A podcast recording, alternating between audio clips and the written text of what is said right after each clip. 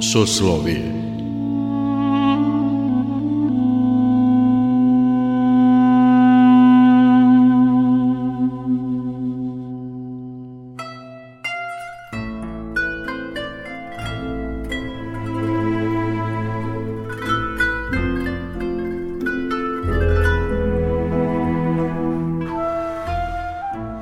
Slušate Soslovije, religijski nedeljnik Radio Novog Sada.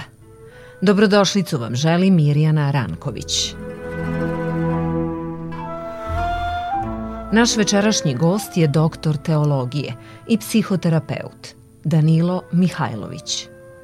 Danilo je rođen u Novom Sadu, gde je završio osnovnu školu.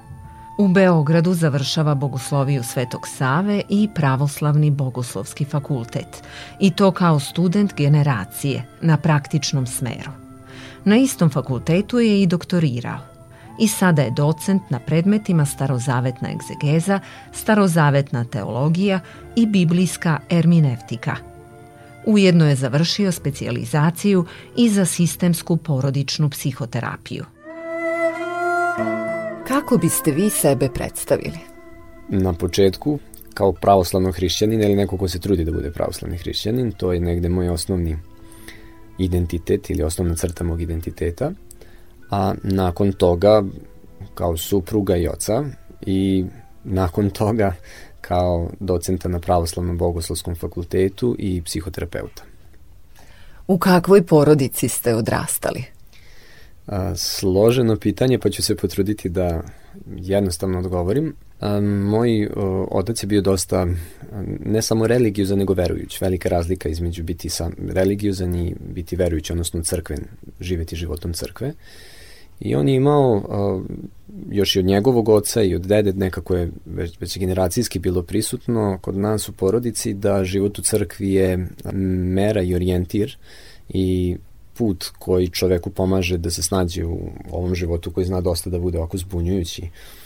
Nekad čak podsjeća kao neki brod na pučini, sad nemate o, svetionik, ne vidite ni možda zvezde da se orijentišete u toj noći kuda treba da idete i onda taj jedan kompas koji imate je dragocen. Evo, kompas je moj porodici od uvek bila vera. A, tako da u mojoj porodici otac je imao svog duhovnika, to je bio divni čuveni otac Danilo iz Velike Remete. On je bio tada 90. godina dosta ovde ovaj, ovako poznat među ljudima koji idu u crkvu i mnogi su odlazili kod njega. Da, inače, otac Danilo je bio još kod svetog vladike Nikolaja Velimirovića i odlazio često i bio njegov duhovno čedo. Uh, I otac je nekako odlazio često u veliku remetu i naravno na liturgiju redovno je živeo svetotajinskim životom, što ne znači naravno da je u porodici bio apsolutan sklad, ali je to bila negde, negde faktor stabilnosti, ja bih rekao, u našoj porodici. I zbog toga, između ostalog, sam ja nekako sve više prepoznavao sebe u odnosu sa, i sa ocem, koji je bio uglavnom kroz priču o veri, uh, ostali deo što se tiče života u mojoj porodici i moje porodice porekla je da je bio dosta disfunkcionalan i roditelji nisu imali lep baš brak i razvodili su se i tako, bilo je dosta turbulentno. I meni je crkva tu pomogla da sebe pronađem, da pronađem svoje mesto, da pronađem uh, mir, spokoj. Uh, i mislim da je upravo to nekako došlo preko tate na, na uh, tako jedan spontan način, jer ono što meni dan danas ostalo ovako fascinantno, što nikada nije mene nešto primoravao ili terao, niti da se pomolimo, niti da postim, niti da se pričestim, nego tim večernjim satima, ono kad je bio čuveni u to vreme crtani film u 7 i 15 pre ove dnevnika, uh, ovaj tata bi se u tom nekom periodu uglavnom pomolio, kadio bi i uh, stavio ispred ikona i molio se i mene bi ponekad pozvao da li želim, ali nikada nije insistirao. I meni nekako spontano sta prijala i onda mi je čak draže bilo da se pomolim nekad s njim nego da gledam crtan jer sam kroz to osetio neki mir i spokoj koji uh, je onako onako, ajde da tako kažem, baš preko te porodične ikone ulazi u našu kuću. I eto, to bi bilo ukratko što se tiče te neke porodične situacije, dakle, s jedne strane mir i spokoj života u veri, s druge strane dosta turbulentni odnosi roditelja. Koje duhovne vrednosti su bile važne vašim roditeljima? Pre svega povezano sa Bogom. Ono što, što je tata negde prepoznavao da u svojoj nekoj roditeljskoj nemoći sigurno apsolutno može da da jeste da me podstakne da imam odnos uvek sa Bogom kroz molitvu, ali to nije radio toliko što je pričao, što je najvažniji deo cele ove priče, što nije pričao toliko o tome koliko što sam ja osetio da se on često moli za mene i što je sam govorio, ja ne znam kako i šta da uradim, ali znam ko zna. I onda se njemu obraćam. I Tako da molitva je, mislim, najvažnija stvar koju su nekako uspeli da mi prenesu. I mama na svoj način, ali je tata ipak bio u tom periodu malo uh, bliži veri. Dakle, molitva pre svega i sad ako tražim pravu reč, treba bi da kažem moral, ali nije to moral u ovom klasičnom smislu, nego hrišćanski etos, to bi bilo, odnosno sistem vrednosti života u, u veri, dakle način na koji doživljavamo drugu osobu da ne možemo nekoga uh, ukrasti, uh, omalovažiti, ne možemo nekog potkrasti, omalovažiti, povrediti i da pređemo preko toga time što ćemo, ne znam, otići samo u nedelju u crkvu, nego da a, mora da postoji neki sklad između onoga kako se odnosimo prema drugom čoveku i onog što se trudimo da živimo u našem o, svetotajinskom životu, dakle u veri. I posebno je tata imao tu neku, ovaj, i mama zajedno s njim podjednako slabost, u pozitivnom smislu slabost na ljude koji su potrebiti, odnosno na uh, ljude koji su nemaštini, na prosjak i tako dalje. I to je negde meni ostalo kao mislim da je to već neko generacijsko nasledstvo koje smo dobili. Baka koja je govorila u dobru se ne ponesi, u zlu ne poreci odnosno i kada imaš da uvek imaš svest da ima neko ko nema i da mu pomogneš, s druge strane kad ti je mnogo teško nemoj sad pohuliti i pasti, nego i ti se nekad obrati nekom ko ima. Tako da, eto, rekao bih u suštini molitva i, i negde odnos uh, pa ne znam da li to neke smernosti, možda bi tako mogu da kažem, a, svesti o tome da je svaki čovek ikona Božija i da ne možemo proći pored čoveka koji ima potrebu bilo koje vrste, a ako nemamo materijalno mu pomognemo, onda barem da ne osetimo na trenutak njegovu patnju i barem se pomolimo da mu Bog pomogne. Da li ste vi birali svoja zanimanja ili su ona birala vas?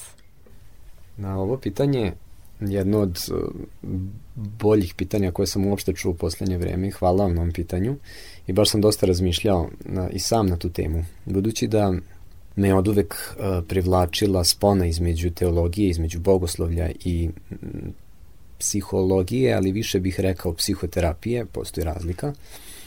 A, I sam razmišljam i dalje, ne, usudio bi se da kažem da još nemam tačan odgovor na vaše pitanje, što bi rekli studenti mogu da vučemo ovaj novo pitanje za manju ocenu.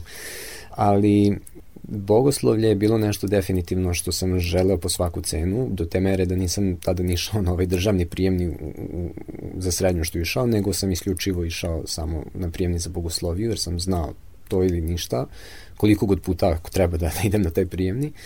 Goreo sam apsolutno za, za bogoslovljem i za uh, bogoslovijom koju sam i upisao uz Božiju, Božiju blagoslovi našeg episkopa Vladi Kirineja. Uh, A s druge strane, me uvek privlačio taj čudnovat i neobičan odnos u a, ljudskom duhu, odnos između, ajde da kažemo tako, duše i duha, između psihologije i teologije. I onda je moj, ajde da možda iskoristimo taj primer, završni rad, odnosno diplomski na osnovnim studijama na Bogoslovskom fakultetu i bio put od duševnog ka duhovnom, u pravoslavnoj tradiciji crkve, posebno sa fokusom na svetog starca Porfirija Kavsukadevita, jer nekako je veoma zanimljiva ta spona u čoveku i izazovi s kojima se suočavaju nekada idu iz duševnog, iz određenih povreda koje nosimo iz svoje porodice porekla, a s druge strane i određena duhovna stanja u kojima se nalazimo nekada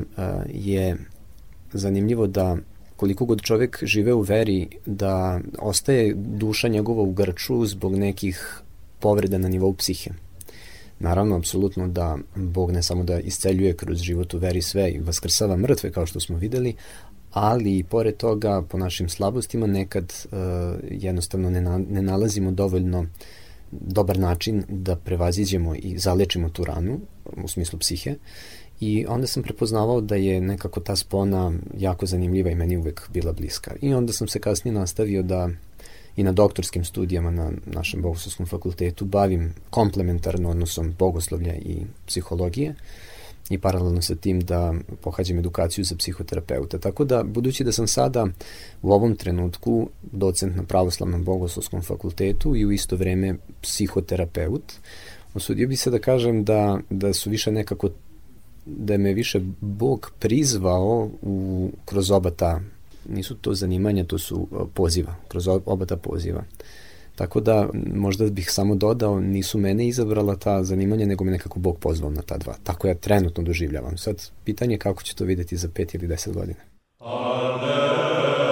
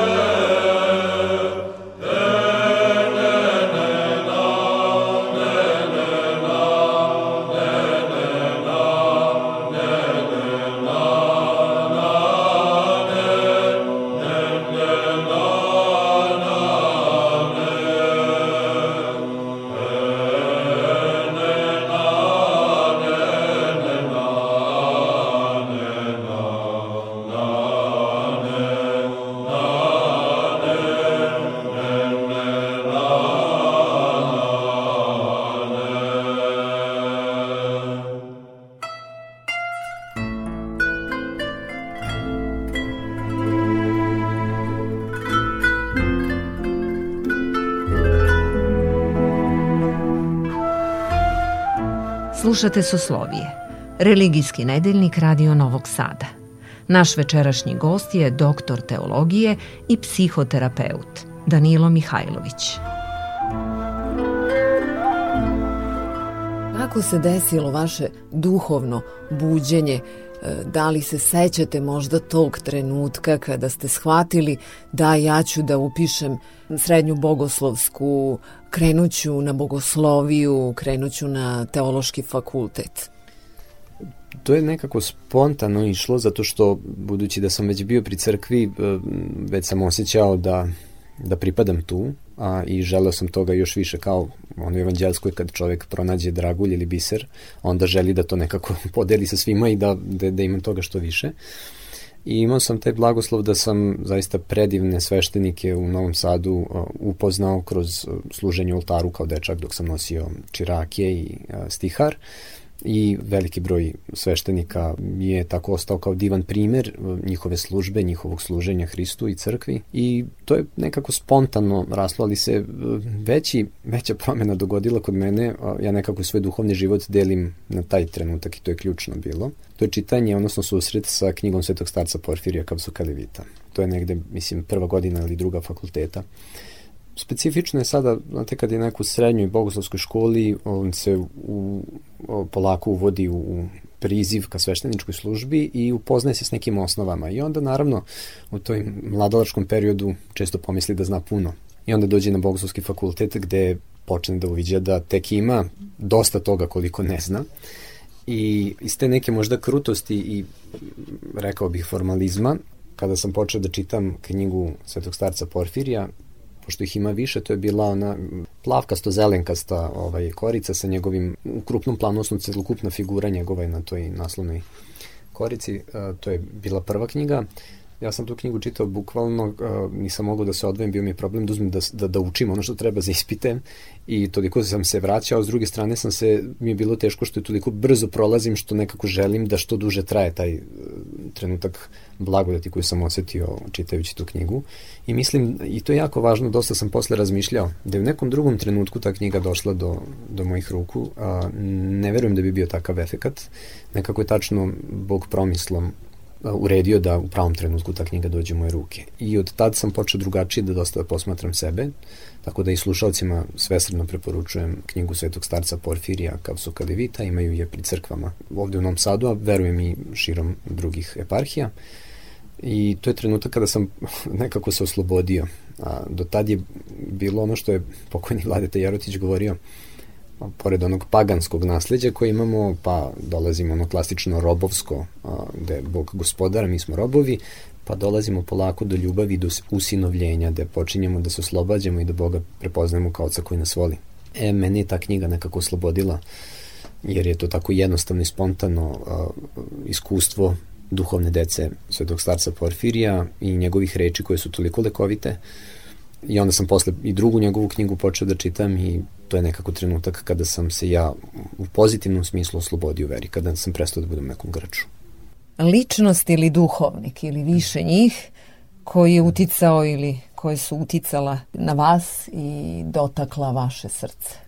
Da, hvala za ovo pitanje. Mislim da do sada nisam imao priliku da javno govorim o tim ljudima koji su mi mnogo značili. Krenuo bih, hajde ovako istorijski da kažem, odnosno hronološki. Budući da sam ja živeo tada na Podbari, dakle deo Novog Sada, koji pripada Almaškom hramu i tamo sam odlazio. U tom trenutku su tamo bili otac Branko i otac Stefan Franović i otac Milenko Jelovac i to je negde moja prva zajednica koja je mene oblikovala i onda sam polako krenuo u saborni hram, budući kada neko ide za, kada upiše bogosloviju, onda odlazi uglavnom pri sabornom hramu da učestvuje u a, bogosluženju kada načastvuje episkop i tako dalje. E onda sam tu imao priliku da upoznam i a, da, da učim dosta i od ostalih sveštenika koji su bili u tom trenutku tu, tu je bio i otac Miodrag Andrić, otac Vladan Simić, otac Bogoljub Bostojić i otac, sad su već neki od njih i u penziji, imaju prota Stanimir od koga se učilo pojanje i tako dalje. Tako da je velik e, krug ljudi koji su tu ostavili dosta utiska na mene, budući da je otac Stefan Franović u tom trenutku bio naš parohijski sveštenik, ja sam tad bio negde 7. 8. osnovne škole i tada sam počeo da se ispovedam i tako, tako da je onda on bio neko koji, koji je prvo duhovnom počeo da se uh, stara uh, za mene i morao bi definitivno da kažem da je on neko ko je u velikoj meri pomogao mi da se oslobodim svih tih nekih stega i da drugačije posmatram život u veri, u pozitivnom smislu drugačije. A, naravno, ima sad tu i dosta drugih a, ljudi u okviru a, crkve, braće se stara koje sam upoznao, ali bilo bi preobimno sad govoriti o tome. Potom, naravno, e, kada sam došao u sabornu crkvu i štecirajući u hramu i bivajući uz e, skute vladike Irineja, svakako da je vladike Irinej ostavio jako, jako velik i uticaj i utisak na sve duše onih koji su njegovi, u njegovom okruženju, budući da je naš duhovni otac svih nas, dakle čitave eparhije. Pored toga ima još dosta ljudi, izdvojio bih uh, sad samo još jednu ličnost, ali s obzirom da ne znam da li bi on voleo da se imenuje imenom i prezimenom, ja ću samo o, spomenuti ovaj, jedan brat iz crkve koji o, e, nije teolog, psihologije i psihoterapeut, ali koji mi je mnogo pomogao da isprofilišem svoj doživljaj i rad i a, ako bude slušao ovom prilikom pozdravljam on će znati ko je. Dakle, osoba koja mi je onako u jednu ruku psihoterapeutski mentor bila ovde iz Novog Sada, dakle, takođe osoba koja je puno uticala. Osoba koja je mnogo, mnogo, mnogo uticala mene moja supruga, ali sad ne u negativnom smislu, što bi rekli, nego u pozitivnom smislu, da kroz trpljenje, ljubav nekako pomagala da prepoznam sve neke svoje nedostatke i da ih menjam i naravno oca i majku sam spomenuo na kraju sad ne bih on se vraćao na to, nisu svako na svoj način uticali. Hodočašće, hodočašće putovanje koje pamtite i nikada nećete zaboraviti i ostavilo je velik utisak na vas. Definitivno odlazak na Svetu Goru um, tradicija bogoslovije da maturanti, odnosno četvrti razred bogoslovije, sad nekad je pet godina trajala, nekad četiri, ja sam završio kad je u trenutku dok je trajala četiri godine, da se za maturantsku ekskurziju odlazi na Svetu Goru, dakle u Grčku, na Atos, I to je bilo neposredno posle one nesreće sa požarom u manastiru Hilandaru, pa nismo dugo mogli ostati ali sasvim dovoljno da osetimo trenutak kako izgleda kada je nebo spušteno na zemlju i kada ste na zemlji uzdignuti na nebo. Bez, ikakvog, bez ikakve idealizacije i bez ikakvog lažnog veličanja, to je zaista mesto gde osjećate da sat ne kuca tempom kojim ovde kuca, da staze kojim koračate nisu izbetonirane, nego su veoma nepredvidive, a u isto vreme nekako bezbedne i e, dovoljno da provede čovek svega nekoliko dana tamo i da mu treba dosta vremena da se vrati u realnost posle. Tako da je to trenutak kada koji je meni ostavio uh, veliki uticaj, uh, celivanje tamo ikone Trojeručice u samom manastiru i boravak sa monasima koji su tamo. Dakle, definitivno jedno veliko, veliko duhovno iskustvo, posle koga onako shvatite da uh, tempo života koji mi živimo je apsolutno nezdrav i daleko od um, humanistički nastrojenog. Tako da rado se uvek setim toga i um, uz Božju pomoć planiram u nekom narednom vremenu opet da odem malo da posetim Svetu Goru. Knjiga ili knjige kojima se vraćate? Nešto što će jako biti neobično, što ću reći, i na izgled nepopularno, a opet uvek i neprolazno vredno sveto pismo. Naravno, ljudi često kažu dobro podrazumeva se, međutim mi nismo svesni koliko blago imamo u svetom pismu. Dovoljno čovjek samo evanđelja da uzme da čita ili psaltir, da ne spominjemo poslanice, a da tek otvorimo bogatstvo jeli, starog zaveta i tako dalje. Sveto pismo je po meni uh, uvek čitana i nikad pročitana knjiga. Znači, i sa običnim knjigama kada se čovjek čita pa im se vraća u nekom narednom periodu svog života vidi nešto što tamo nije ranije video. A možemo zamisliti kada je u Svetom pismu koji u svom procesu nastajanja, dakle, ako uzmemo Stari Zavet sa nekim, ajde, prvim pisanim svedočanstvima iz 13. veka, 12. pre Hrista, nekim osnovnim, pa evo sve do prvog veka posle Hrista, koliko jedno bogatstvo može da ima jedna takva knjiga koja je svakako bogočovečanski pisana duhom svetim i rukom čovekovom. Definitivno knjiga u kojoj se treba vraćati ne samo u teškim situacijama, nego i u lepim. U svakom stanju emo, emocije koje se čovek nalazi je jako dobro vraćati se svetom pismu. I ja se trudim i podsjećam se da se vraćam, ne računajući to naravno što predajem teme koje su vezane za Stari Zavet na Bogoslovskom fakultetu, ali i u svom slobodnom izboru da pročitam uvek čovek pronađe neku novu istinu. Koja bi bila vaša poruka za kraj? Poruka za kraj pa bila bi koliko ste zbunjeni, ukoliko ne znate kuda da krenete u nekoj ste fazi svog života ili u periodu koji već duže traje, da se osjećate izgubljeno, podsjetit ću vas na ono što je Gospod Isus Hristos rekao, hodite meni svi koji ste natovareni i obremenjeni, dajte mi svoje breme, dakle, dajte meni taj jaram koji je težak i uzmite moje breme ljubavi, odnosno da počete živite time. Dakle, dođite u crkvu, pronađite sebe u crkvi, nećete samo pronaći Boga, pronađite sebe i svoj mir. Tako da, eto, moj za kraj bi bila, bio poziv svakom da, kad kažem dođite u crkvu, ne mislim samo zapaliti sveću, ne mislim samo uh, povremeno svratiti, nego živeti životom crkve, pričešćivati se, ispovedati se, čitati, tražiti i onda ćemo i pronaći.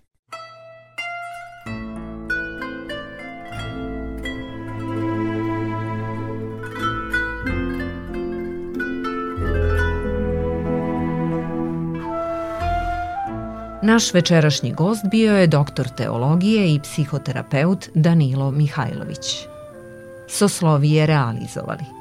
Ton majstor Damjan Šaš. Urednik i autor Mirjana Ranković.